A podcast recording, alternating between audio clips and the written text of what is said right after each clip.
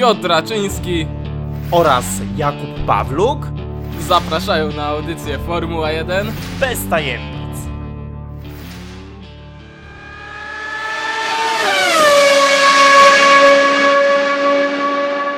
I witamy po wyścigu w... Portugalii. Na którym wygrał? Oczywiście nikogo to chyba nie dziwi od 7 lat. Lewis Hamilton. Ale nim przejdziemy do wyścigu, porozmawiajmy chwilę o tym, co się wydarzyło przed i po wyścigu. Y, Zacznijmy może od tego, jak został przygotowany bolid Verstappena. Mianowicie Verstappen dostał nową podłogę, nowe wloty powietrza i nowe lusterka, co miało to zmienić aerodynamikę. Jak myślisz, Kuba?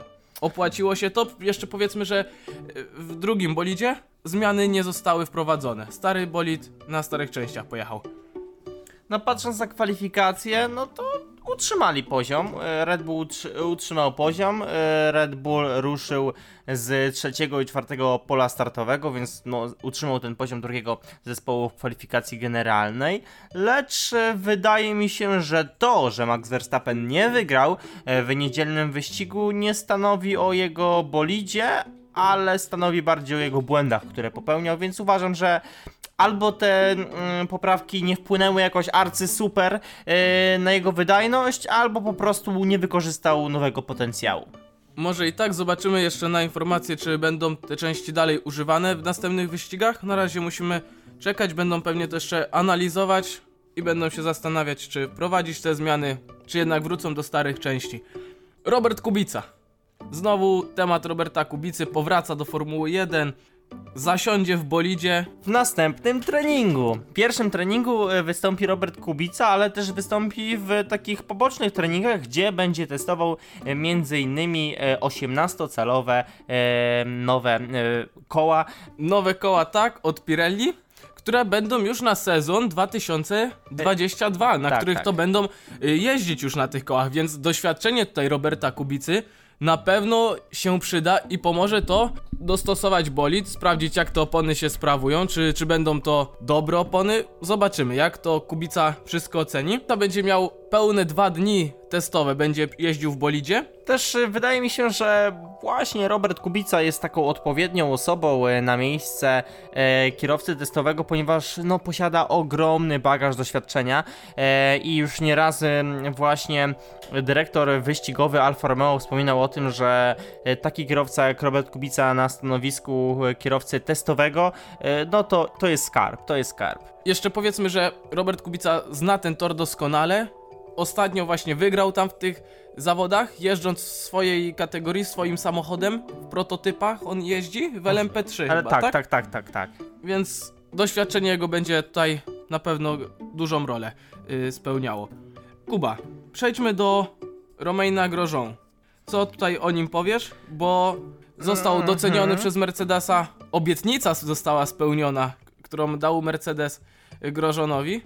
I co to było? Roman Grosjean y, pojedzie w testach y, w bolidzie Mercedesa, ale co najważniejsze, pojedzie y, w testach w bolidzie Mercedesa z poprzedniego sezonu, więc taka obietnica spełniona, ale bym powiedział trochę połowicznie. No to jest ciekawe, bo często jak jakiś kierowca, który jeździł już dłużej w Formule 1 i nagle wypadał z tej stawki kierowców, e, kierowców etatowych, często trafiali tacy kierowcy, np. jak Ocon właśnie do Mercedesa na stanowisko kierowcy testowego i bardzo często sezon albo dwa sezony później już znajdowali swoją pracę, więc Toto Wolff jako, kiero, e, jako dyrektor wyścigowy e, Mercedesa też sprawdza się jako taki menadżer i dobrze dysponuje swoimi kierowcami testowymi. Bo powiedzmy, że Grosjean nie miał takiego zakończenia kariery przez wypadek, tak? Nie było, nie było specjalnego zorganizowanego jakiegoś wydarzenia dla niego. A że Mercedes obiecał mu to zakończenie takie, to zorganizowali specjalnie dla niego y, te testy.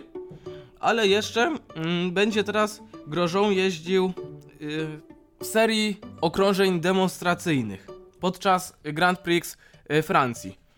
Tam też pojedzie kilka okrążeń, jeszcze będzie mógł się pożegnać z kibicami, których pewnie będzie mało na stadionie, Albo prawie w ogóle. albo prawie w ogóle. Ale przed telewizorami na pewno tysiące, jak nie setki tysięcy. fanów będzie go oglądać.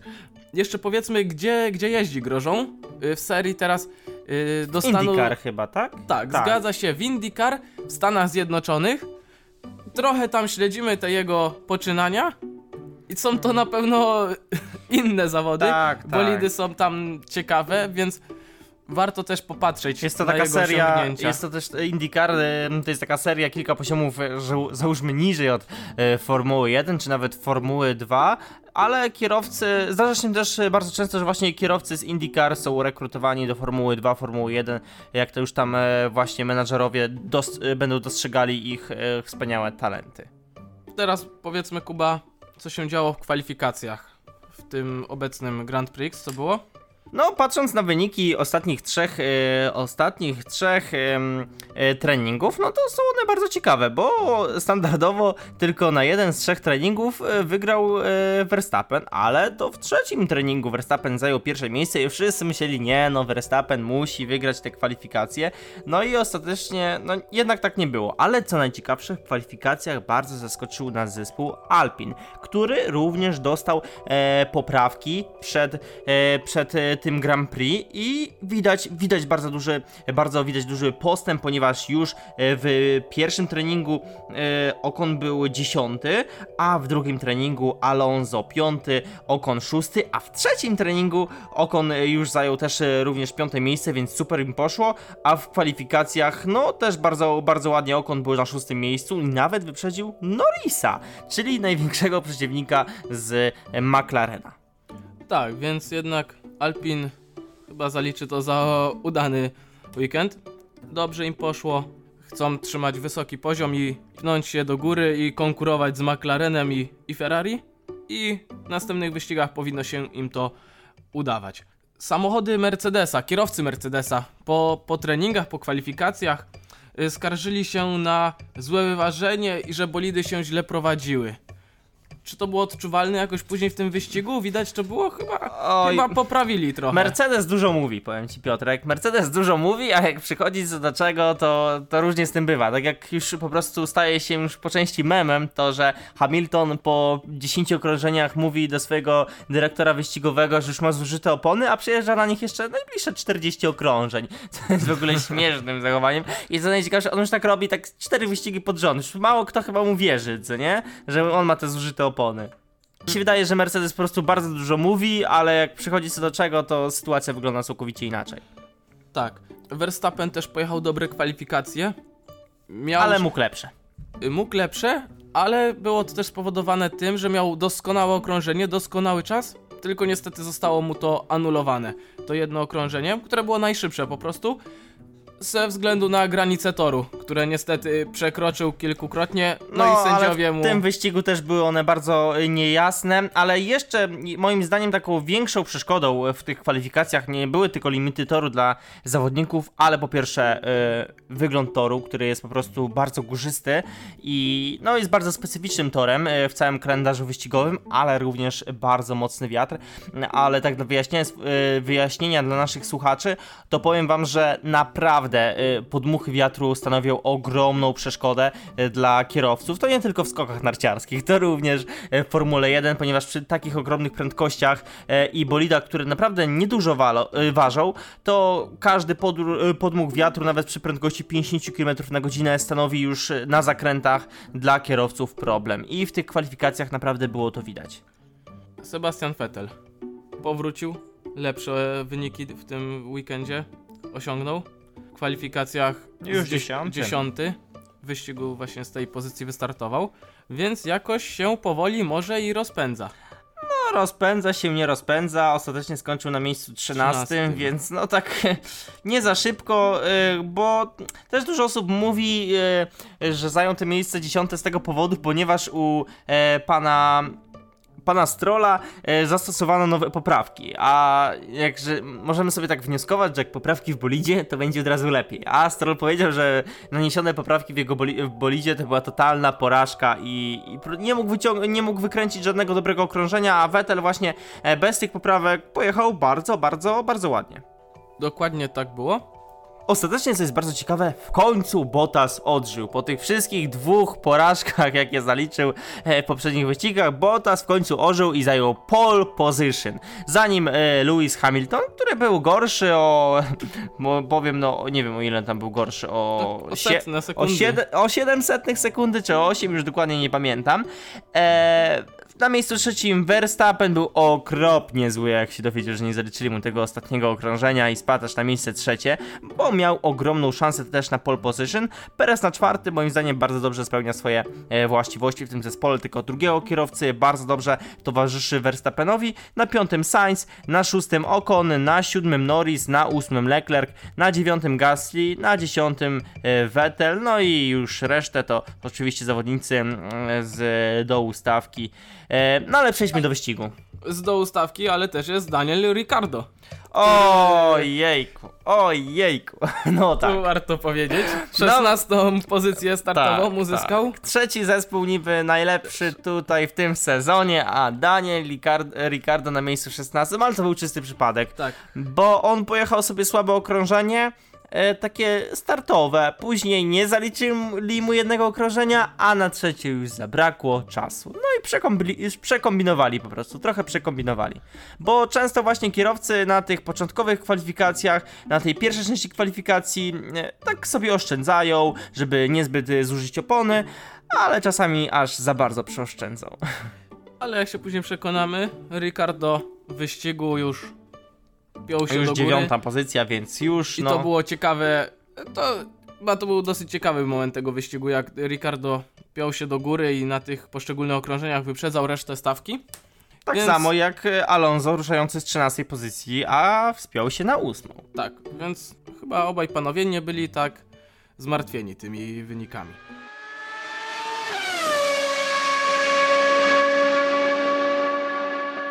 Ale zacznijmy od początku. Hamilton, słaby start. Słabe wykonanie startu. E, bo on się tłumaczył, Hamilton, tym, że e, gdy zaczęły się świecić już e, ta sygnalizacja, e, te czerwone lampy, on dosłownie na milisekundę zerknął w swoje lewe lusterko, żeby zobaczyć, gdzie jest Verstappen. I się zagapił. I chłop. się zagapił. tak. No i po prostu zaspał troszkę. Verstappen ładnie w ciąg powietrza za Bottasem. Pojechali równiutko. Bottas fenomenalnie wystartował.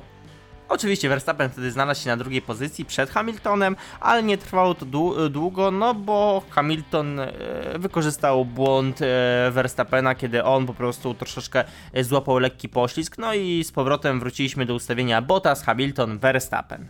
Ale warto również wspomnieć, że zaraz na początku, na początku wyścigu ten wyścig skończył się dla bardzo doświadczonego mistrza świata Raikkonena. Zakończył wyścig, popełnił no Błąd, Błąd. nowicjusza. Zupełnie- tak. Specjaliści y, mówią, że taki błąd mógł się zdarzyć e, Tsunodzie, e, Mazepinowi albo Schumacherowi, ale nie tak doświadczonemu i staremu zawodnikowi jak Raikkonenowi. On się tłumaczył tym, że podobno coś sobie tam zmieniał na kierownicy, na prostej, no i tak nie zobaczył, a wtedy jego kolega zespołu delikatnie przyhamował. No raczej chyba w takie coś nie wierzymy, ale jeszcze powiedzmy coś tam się wydarzyło.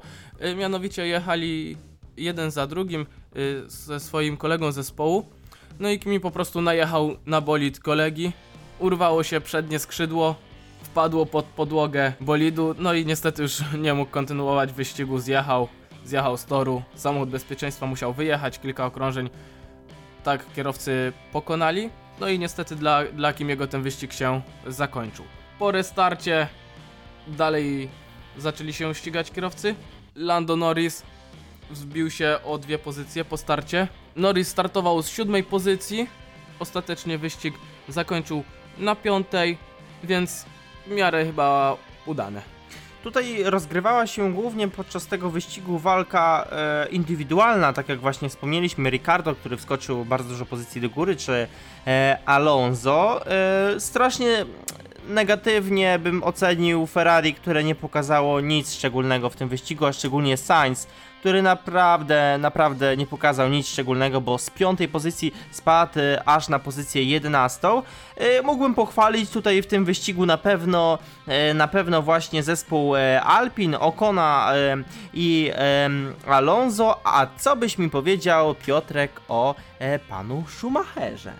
Schumacher wyprzedził Latifiego, awansował y, na końcu wyścigu o dwie pozycje. Startując z 19 miejsca, zakończył wyścig na, na 17, wyprzedził Latifiego, więc Dobre, dobre jego zachowanie było, gdyż walczył tam już kilka razy z Lativim, ale jako młody zawodnik byłem naprawdę w szoku, jak potrafił zachować zimną krew podczas tej walki. No, to nie ma znaczenia, że ktoś ma 17-18 pozycję i tak są totalnie e, za punktami w kwalifikacji generalnej, ale na pewno to dla niego dużo znaczyło, bo to jest chyba pierwsza osoba, jaką w życiu wyprzedził w Formule 1. A w zespole, e, który nazywa się Haas, a szczególnie w tym sezonie, jest to prawie niemożliwe, bo ich auto no nie jedzie za szybko, nawet nie wiem, wiem czy czasami mógłbym powiedzieć, że one jedzie. już sobie tak nie żartujmy z, z zespołów.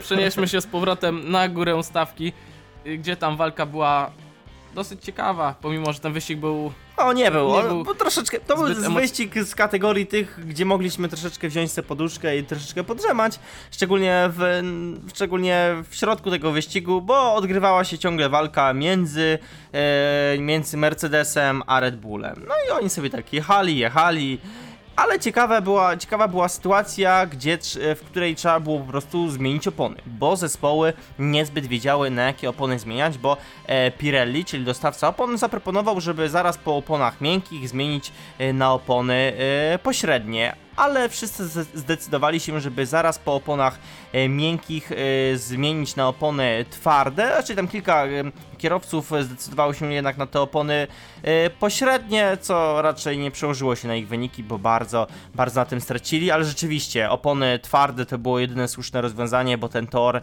Choć miał, choć miał nie zużywać tak mocno opon, to jednak bardzo je zużywał. Oj tak, i, i właśnie w boksie była duża walka między Red Bullem a Mercedesem, i Ale- którą to Mercedes przegrał No przegrał i to w bardzo taki znaczący sposób. znaczący sposób, gdzie Verstappen wjechał do boksu i wyjechał przed Bottasem. Y, Różni, y, później różnica y, czasu w boksie, jaki spędził Bottas, a Verstappen to była ponad sekundę.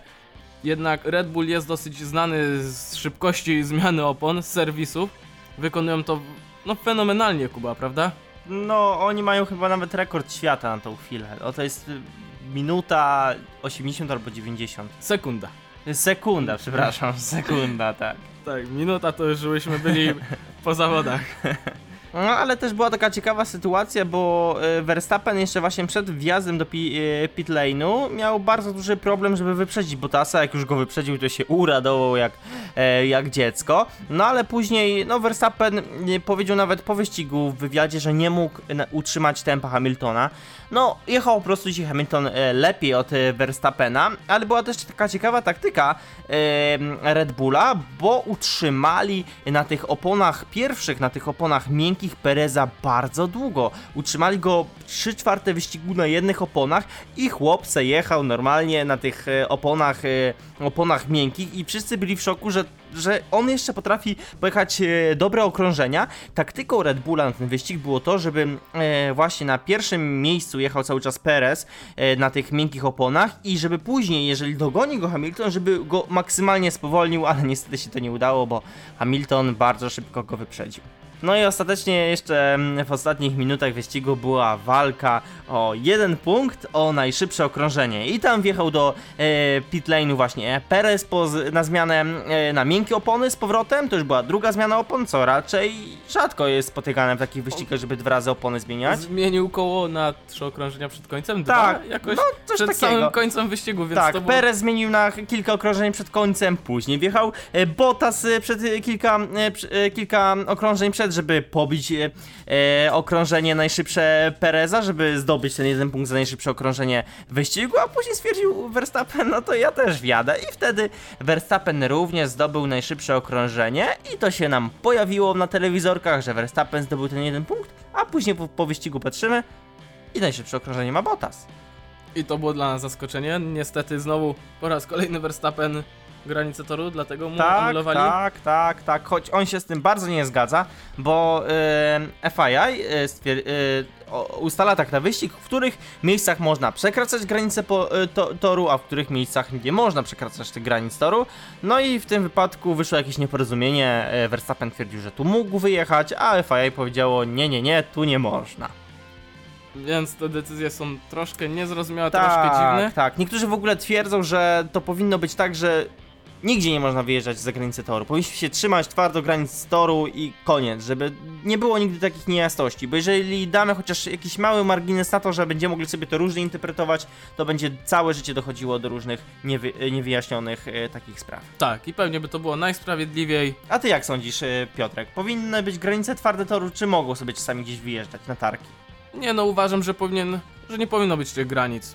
Konkretnie tor się kończy tu, dotąd kierowca może dojechać i koniec. A nie, że tak teraz sobie sędziowie to sami ustalają, dokąd może kierowca wyjechać, a dokąd nie może. No to jest niesprawiedliwe, zwłaszcza, że to się y, zmienia co wyścig na tym torze. No to troszkę to jest chyba nie w porządku, moim zdaniem. Hmm, mieszają trochę w głowę tym kierowcom, tu się zgodzę.